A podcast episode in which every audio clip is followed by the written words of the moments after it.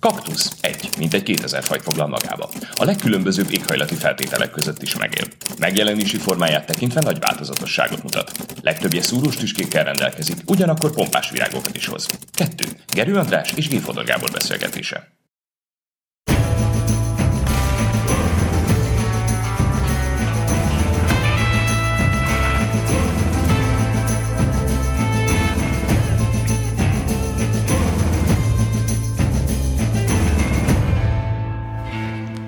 Hát, szervusz András. Szervusz. Boldog új évet. Neked is boldog új évet. Arra gondoltam, hogy ma beszélgessünk egy olyan jelenségről, ami szerintem magyarázatra szorul, és tudom, hogy te felvilágosodás párti vagy, tehát mindig valami racionális értelmet akarsz keríteni egy jelenségnek, ez a márkizai jelenség. Amit persze el is viccelhetnénk, de szerintem komolyabb az ügy.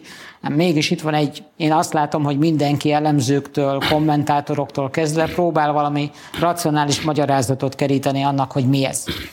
Én eddig odáig jutottam, különböző műsorokban is arról beszéltem, hogy én még nem láttam ilyet. És úgy tűnik, hogy ez egy jellemzői kategória, hogy én még nem láttam ilyet, aminek szerintem három lehetséges olvasata van. Vagy én vagyok tapasztalatlan, ami igaz, vagy volt ilyen a világtörténelemben, és valamilyen modellbe illeszkedik, vagy ez egy teljesen új jelenség, ami itt történik, és akkor milyen karakterjegyei vannak, amit látunk. Ez lenne a javaslatom mára. Mit gondolsz? Mit szólsz? Ez egy jó javaslat, én biztos, hogy el fogok kanyarodni. Hát a, én meg visszakanyarodok, meg... meg... Mert nem akarom azt a benyomást kelteni, mert nyilván valamilyen értelemben kritikus módon beszélnénk, ilyen meg olyan szempontból, de azért nem akarom azt a képzetet kelteni, hogy csak ez lehet kritika tárgya, hanem bizonyos értelemben a, a magyar politika hát egészébe illeszkedik ez a jelenség. Tehát azt mondod, hogy strukturális problémák is vannak, és a struktúrából adódik, hogy hogy néz ki ma a politikai erőtér, Igen. hogy állt össze a, a baloldal, milyen Igen. kihívásokkal néz szembe. Ne, ne arra, hogy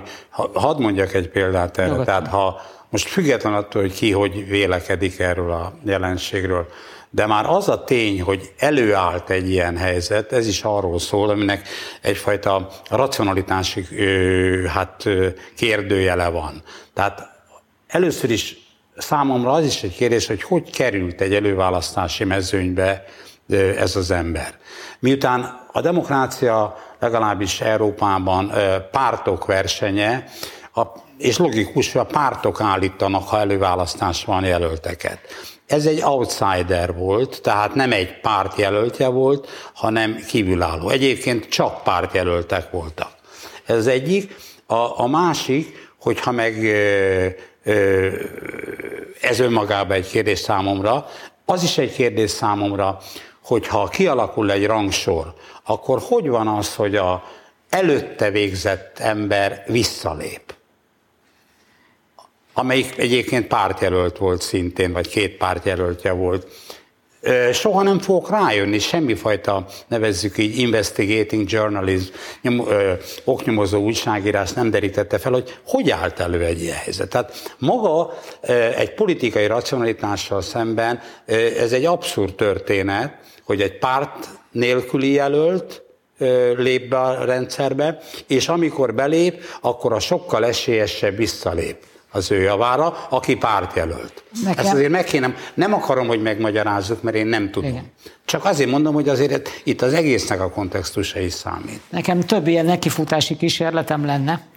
Az első egy komoly dolog, hogyha mondjuk ilyen De ezzel egyetértesz, hogy azért Igen, ezek igen. kérdések? Ezek kérdések, és a mai napig megválaszolatlanok egyébként. Tehát egy outsiderként belép, és az esélyesebb ott hagyja 24 óra alatt a mezőt neki, és utána úgy tűnik van egy Aki azt mondta, hogy ha a villamos Ha- elüti, hát csak igen, akkor. Igen, tehát itt vannak olyan kijelentések, amelyek 24 óra alatt elvesztették az érvényességüket. És ez kapcsolódik ahhoz, amit, az, ahhoz a kerethez, amit én szeretnék feszegetni, hogyha kampánystratégiaként nézünk erre a történetre akkor érteni vélem bizonyos értelemben, hogy van egy jelöltje a baloldalnak, mert hogy én azt tanultam meg a politikai kampányokról, legalábbis a modern politikai kampányokról, hogy politikai személyiségek versenye folyik.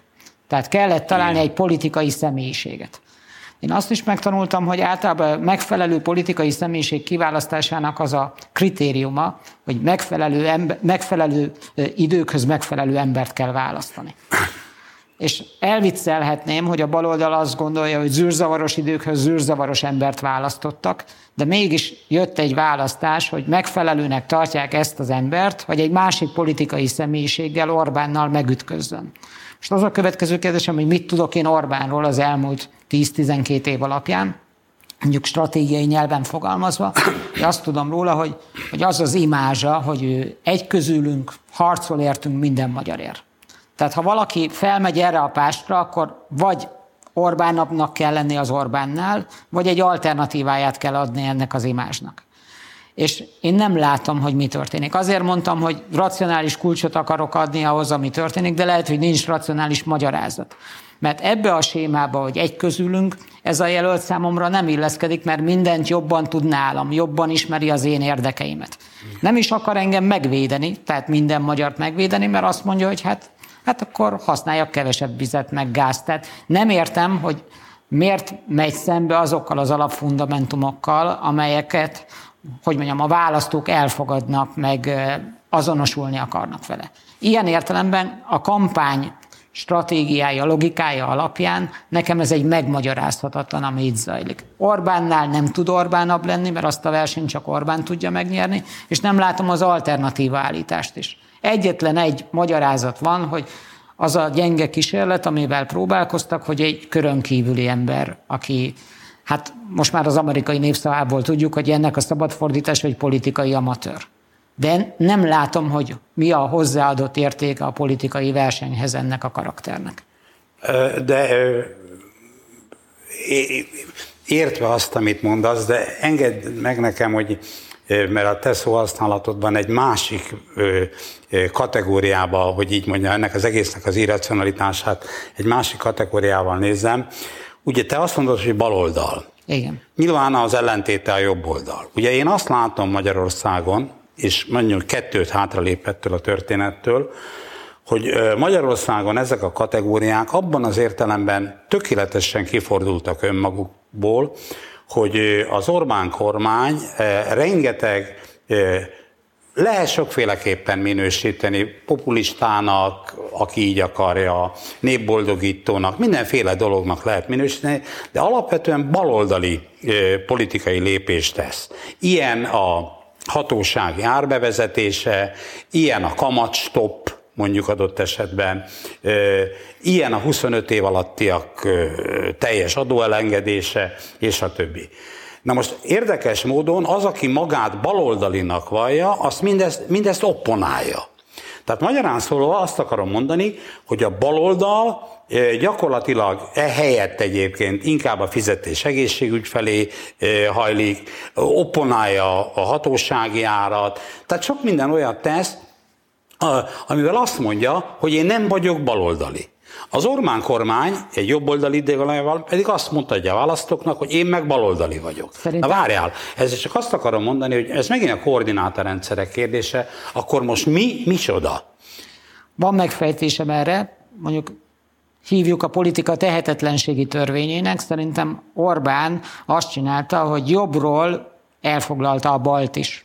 Tehát szerkezeti értelemben a jobb oldalról olyan politikát is, és az isnek van jelentősége folytat, ami baloldali elemeket is tartalmaz. És egész egyszerűen azért tehetetlenségi törvény addig megy, ameddig tud, elfoglalta az egész politikai erőteret. És az már egyébként a jobb oldal sikeres ellenfél meghatározási kísérlete, hogy mindenkit, aki vele szembe megy, áttolt a baloldalra, a baloldal viszont nem tud más mondani, mint ami a Fidesz politikájának a kritikája, tagadása ellentéte lenne. Ezért üres? Ö, Gábor, én ezt nem egészen így gondolom, mert a, tudod, ez egy játék ugye a két oldal között, és az egyiknek az ügyessége idézőjelbe, az részben azon is múlik, hogy a másik mennyire ügyetlen. Hát ez persze. egy játék. Hát persze. Tehát én azt látom, hogy ha a baloldal hogy így mondjam, valóban, tehát egy baloldali értékvilágban utazna, akkor például egy ilyen hatósági árdolgot helyeselne, és mondjuk elindulna egy olyan úton, hogy igen, de ez egy felszíni kezelés, hatoljunk a mélyére, és elindult egy szocialisztikus gazdaságmodell felé, ahol állami gazdaságok állítanak elő állami árkontrollal termékeket, és azt adják Tehát azt mondod, túlköveteléssel lépne fel. Igen, igen. Tehát magyarán szóval elindulna egy szocialisztikus irányba. Meg lehetne csinálni, de, de, nem, de nem jutnak el ide. Nem jutnak Sőt, el ide. hát a jelöltjük mit állít? Ennek az ellentéteit fogalmazza. a jelöltjük pedig, és megint ez az egész szürrealitás a dolognak, a jelöltjük pedig hát olyan, hogy így mondjam, gúnyosan beszél arról, hogy bizonyos élelmiszereket olyan hatósági ár kategóriába tettek be, ami egyébként egy-két millió magyar embernek napi szükséglet. Nem azért, mert örömük lelik benne, hanem azért, mert olyan szerényen élnek, hogy ez számít nekik. Na most ezeket teszi nevetségessé. Szóval ezért mondom, hogy itt egy identitás probléma is van e mögött a dolog mögött, ami a magyar politikával függ össze, hogy a jobb oldalnál azt látom, hogy a jobb oldal elad egy csomó baloldali intézkedést jobboldali keretbe, a baloldal pedig próbál baloldaliként eladni olyat, ami meg merőben nem baloldali, hanem inkább egy neoliberális gazdaságpolitika felé, vagy társadalompolitika felé mozog. Te ironizáltál valamelyik beszélgetésünkkor azzal, hogy azt mondtam, hogy hát akkor Orbánék ügyesek, mert hogy most is azt mondom, elfoglalták a balt is, és nem marad más a baloldal számára, mint hogy ellentétes dolgokat mondjanak, mint a kormányon lévők, és ezért nem találod szerintem a koherenciát, meg a konzisztenciát a baloldal mondatai között, mert nem marad számukra más hely, mert ügyetlenek, valóban ügyetlenek. De ettől De függetlenül... szerintem meg egyszerűen nem baloldaliak.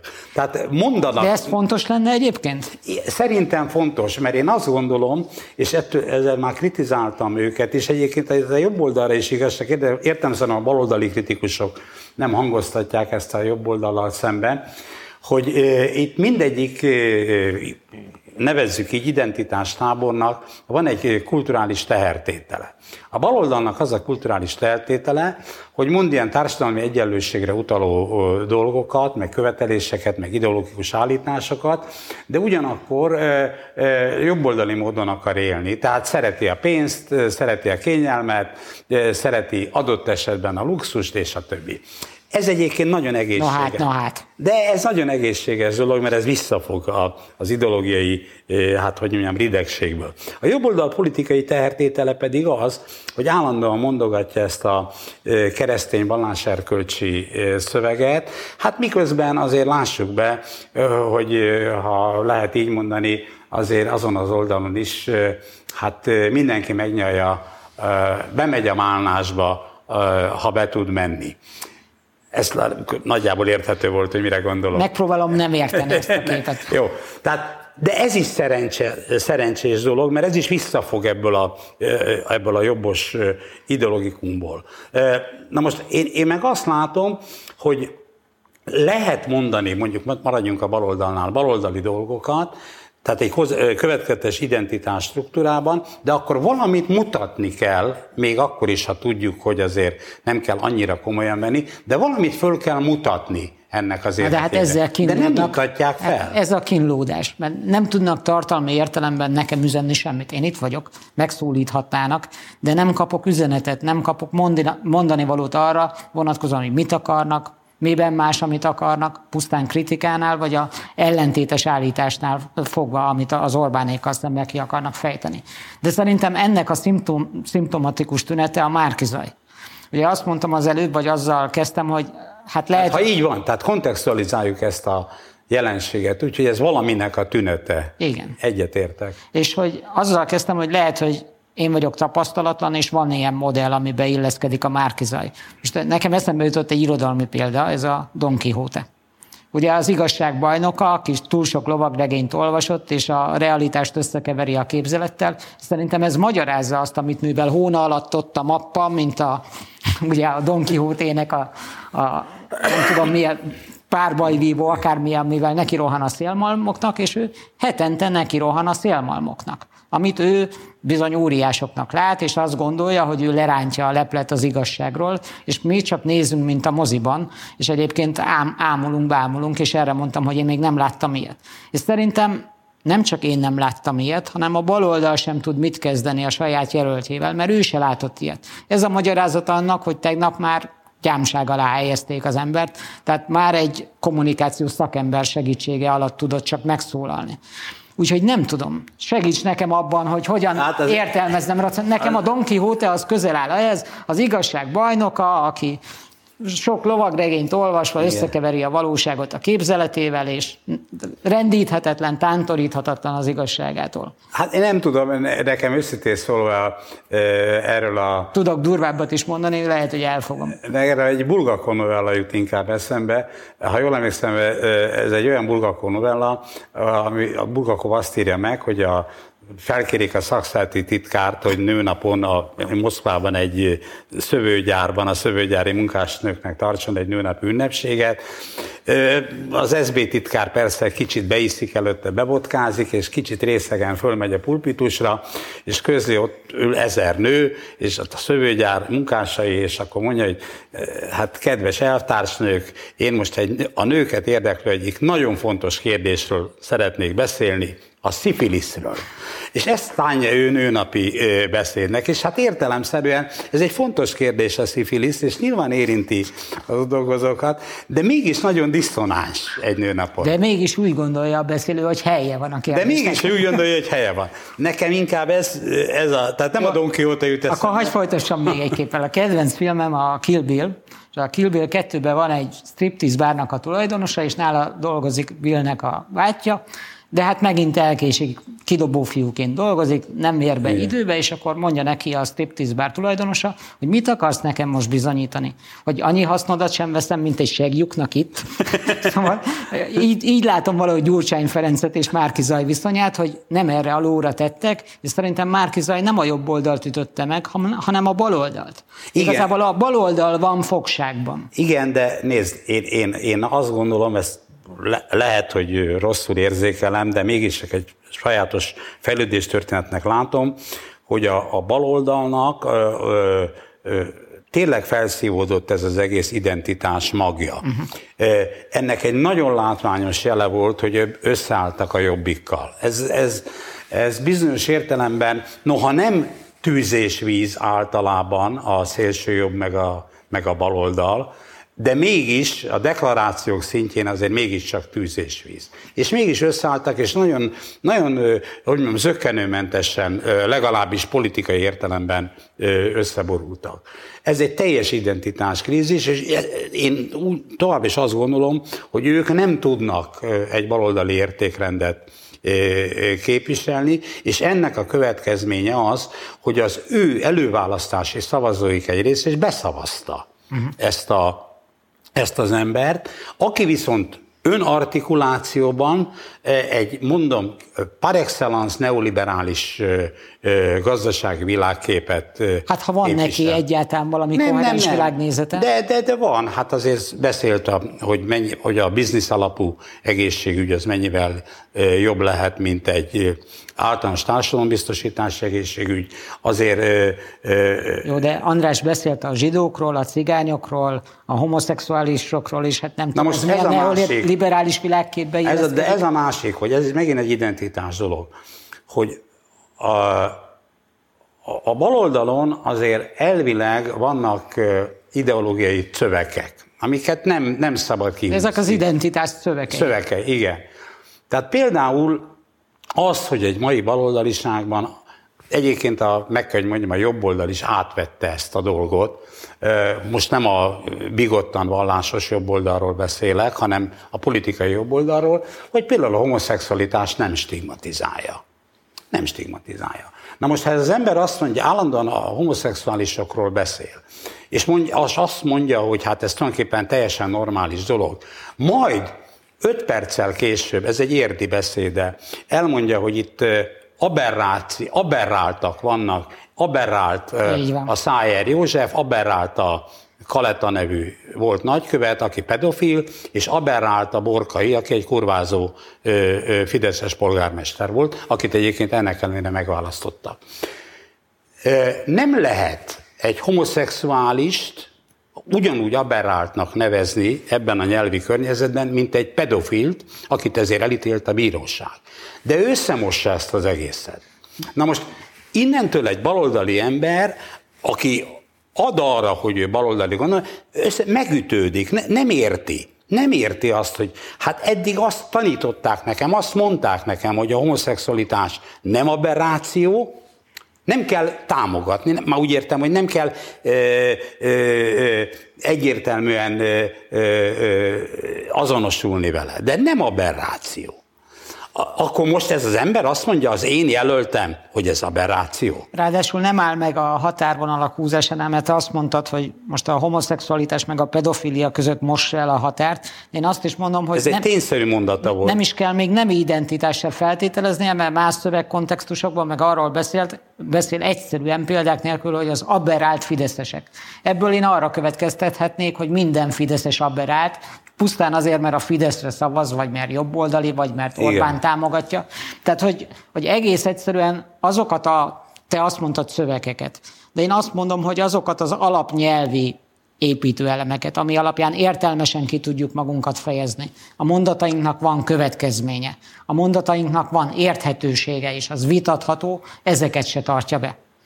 Hát igen, és hát mondom, itt van egy még egy szerintem nem, nem egyszerűen a politikai kommunikációról szóló, hanem egy olyan retorikai mondjuk önellenmondás, amivel nagyon nehéz mit kezdeni. Tehát nem lehet, ugye én első menetben két kínai oltást kaptam, működött egyébként, megnéztem a úgynevezett antiteszt, jó van.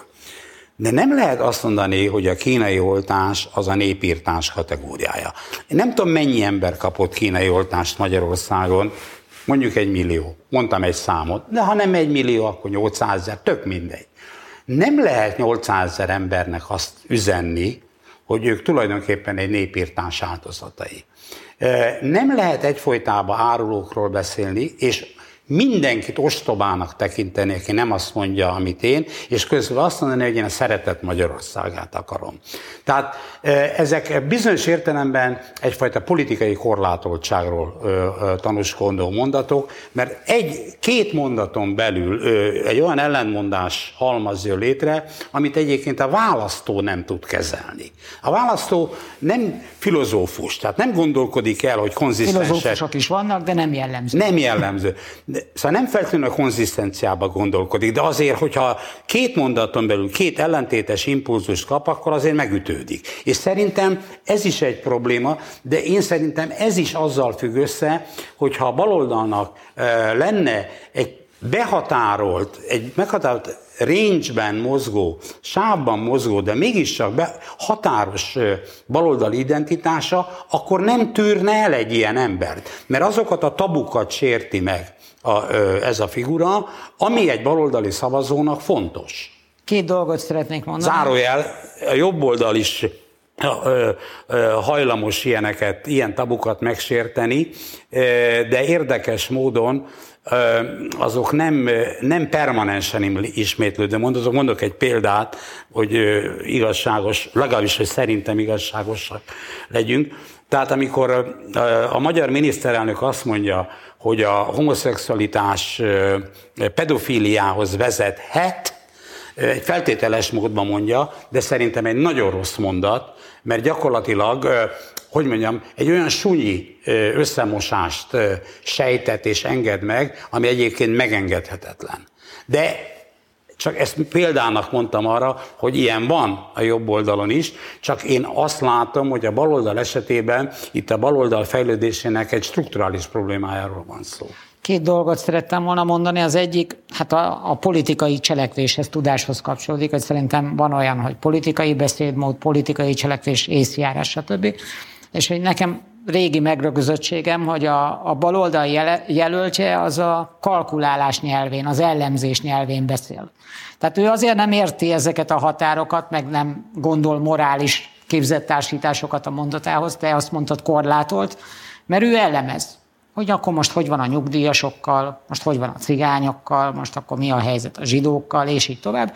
És nem jut el addig, ebben az értelemben korlátolt, hogy azt mondaná, vagy megértené, hogy a mondatainak morális következménye is vannak. De egy politikus nem így beszél. A politikus például úgy beszél, hogy akkor fiatalok utána, szavazzatok rám.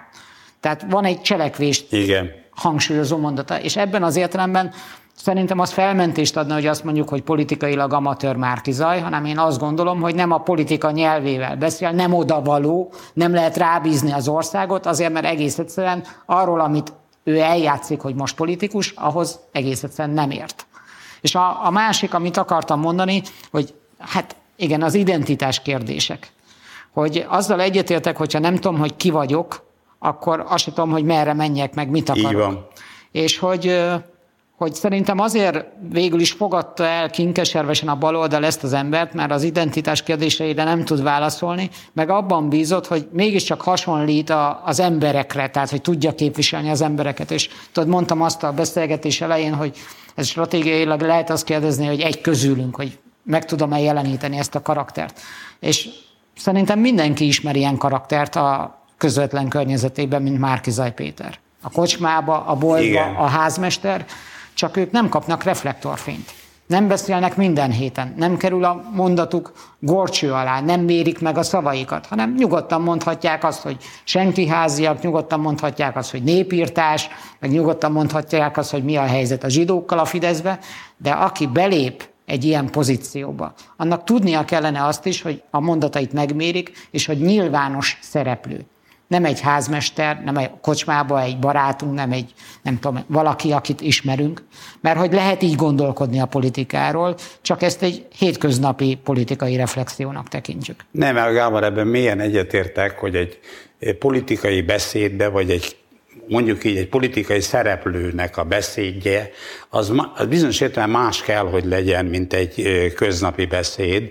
Nem azért, mert rossz ember, vagy jó ember, vagy hazudni akar, vagy nem hazudni akar, hanem mert ez egy szabály, hát a nyilvános beszéd az mindig más, mint a, a, magánbeszéd. És különösen a nyilvános beszédemből ez a, ez a politikai beszéd. De de én azt hiszem, hogy, és ez egy tanulság lesz e tekintetben, mondom, visszakanyarodva a beszélgetés elejére, a te visszakanyarod, te engedd meg, hogy én is, hogy én nekem mondom, az is egy politikai racionalitási probléma, hogy hogy került ez az ember a maga outsiderségével egy olyan helyzetbe, hogy versenyző lehessen, és hogy került oda, hogy versenyzőként más versenyző lehetővé tegye, hogy ő első legyen. Hát erre van összeesküvés elméletből származó válasz, oda tették. Jó, de, de mondom, én nem tudom ezt, kíváncsi lennék rá, számomra ez egy rejtély. De a, a, ami nem rejtély, az, hogy ő egy ilyen kompetícióban az első helyen tudott végezni, ez szerintem, és ez egy strukturális probléma megint, csak ez nem a baloldali, hanem bizonyos értelemben az egész magyar demokratikus berendezkedésé, hogy helyese túl sok eszközt adni a közvetlen demokrácia érvényesítésének a kezébe. Tehát helyese, amit egyébként már levertek Magyarországon többször, hogy mondjuk legyen közvetlen elnök, államelnök választás. Ugye az ellenzéknél ez megint előjött. Én nem, én nem támogatnám ezt, én egyetértettem azokkal, akik közvetett, tehát parlament által választott elnökbe gondolkodtak, hogy ez egy jobb megoldás, de azért ez az előválasztás is arról szólt, hogy ez a közvetlen demokrácia nagyon is kétélő eszköz, különösen, hogyha meghatározott szereplők mondjuk így belemanipulálnak valamit ebbe a folyamatban. Mert most itt állunk valamivel, ami utal a, a, a baloldal identitás problémájára, utal közvetve a jobboldal identitásának és gyakorlatának kettősségére, sok mindenre utal, de nem arra utal, hogy így mondjam, hogy a magyar demokrácia egészséges lenne. Két dolgot hagy mondjak ezzel kapcsolatban, tehát szerintem azt már ott is tudják a bal oldalon, hogy az előválasztás végül is kudarc lett. Lefejezte a saját politikai elitjüket, és jött egy outsider jelölt, aki fogságba tartja őket, és most már kénytelenek végigmenetelni ezzel a jelöltel. E, egészen pontosan azt mondanám, hogy kölcsönösen fogságba tartják egymást. Igen. Mert most egyébként ő, ő van egy ilyen helyzetben, de abban a pillanatban, ha véletlenül hatalomra kerülnének, ő lenne a hát Akkor jön a gyámság, amit már most Igen. tesztelnek ezzel Igen. ott a a időszak alatt. A másik egy némileg eltérettől, vagy csak lazán kapcsolódik ehhez, nyilván én a Fidesznek szurkolok. De van egy olyan gyanum, hogy, hogy itt, itt van valami, ami változatlanul megértésre szorul, hogy én azt tanultam meg a politikából, hogy elég egy rossz mondatot mondani, és akkor vége. Tehát az politikai halált jelent, meg, meg gond van belőle. De ez az ember hetente mond rossz mondatokat, és lehet, hogy egy rossz mondat az politikailag erősebb, mint száz rossz mondat. Tehát, hogy az emberek hozzászoknak ahhoz a karakterhez, hogy a Márkizaj Péter ilyen, ő így cselekszik, de hát nem tudunk egy rossz mondatot se idézni tőle, mert hát annyit mondott.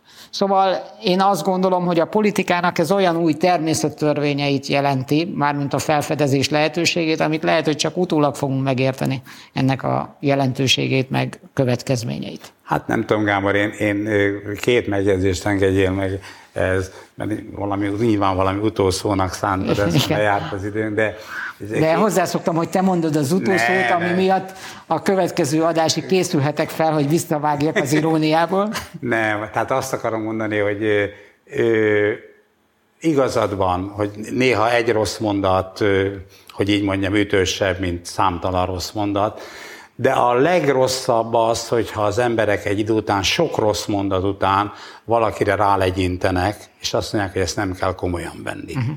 Ez a, szerintem ez egy közszereplőnek a létező. Halála. A halál. Igen. A másik, hogy te mondtad, mondtad hogy te a, te a Fidesznek drukkolsz.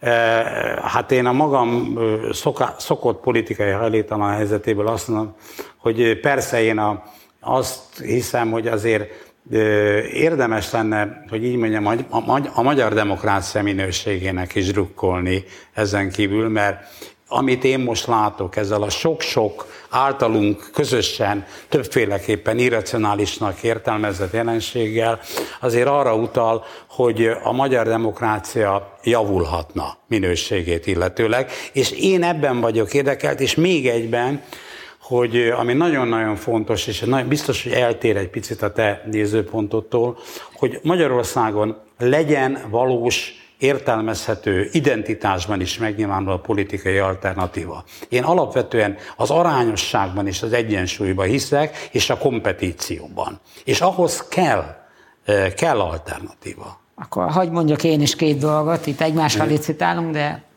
nem provokatív jelleggel akarom mondani. Az egyik az az, hogy, hogy kapcsolódva az utolsó mondatodhoz, én is támogatom azt, hogy mert hiszek abban, hogy a politika verseny, és ha van alternatíva, akkor az jobb teljesítményt kényszeríti a jobbból is, és én abban vagyok érdekelt, hogy egy jobb országban egy jobb politika alatt éljünk, tehát ebben közös nevező van, hogy a verseny akkor működik, hogyha rá van kényszerítve a jobbik is, hogy még jobb legyen. Igen. És most a jobbik alatt nem a pártot értettem, csak hogy, hogy ironizáljak. A másik viszont a magyar demokrácia problémáiról, hogy attól óva intem magunkat, hogy ilyen optikai csalódás vagy csalás áldozatai legyünk, hogy már közelről látjuk, ezért nagyobbnak látjuk a problémákat. Te is ismersz jó néhány demokratikus politikai szisztémát, a verseny torzító feltételeit, az ottani anomáliákat hogyha egy ilyen összemérést végzünk valamikor az egyik kaktuszban, nem biztos, hogy Magyarország annyira rosszul jön neki a demokratikus politikai rendszer működését, csorbulásait, teljesítményeit illetően. Igen, Gábor, de mindig van jobb, és arra kell törekedni. És ez most már tényleg a végszó.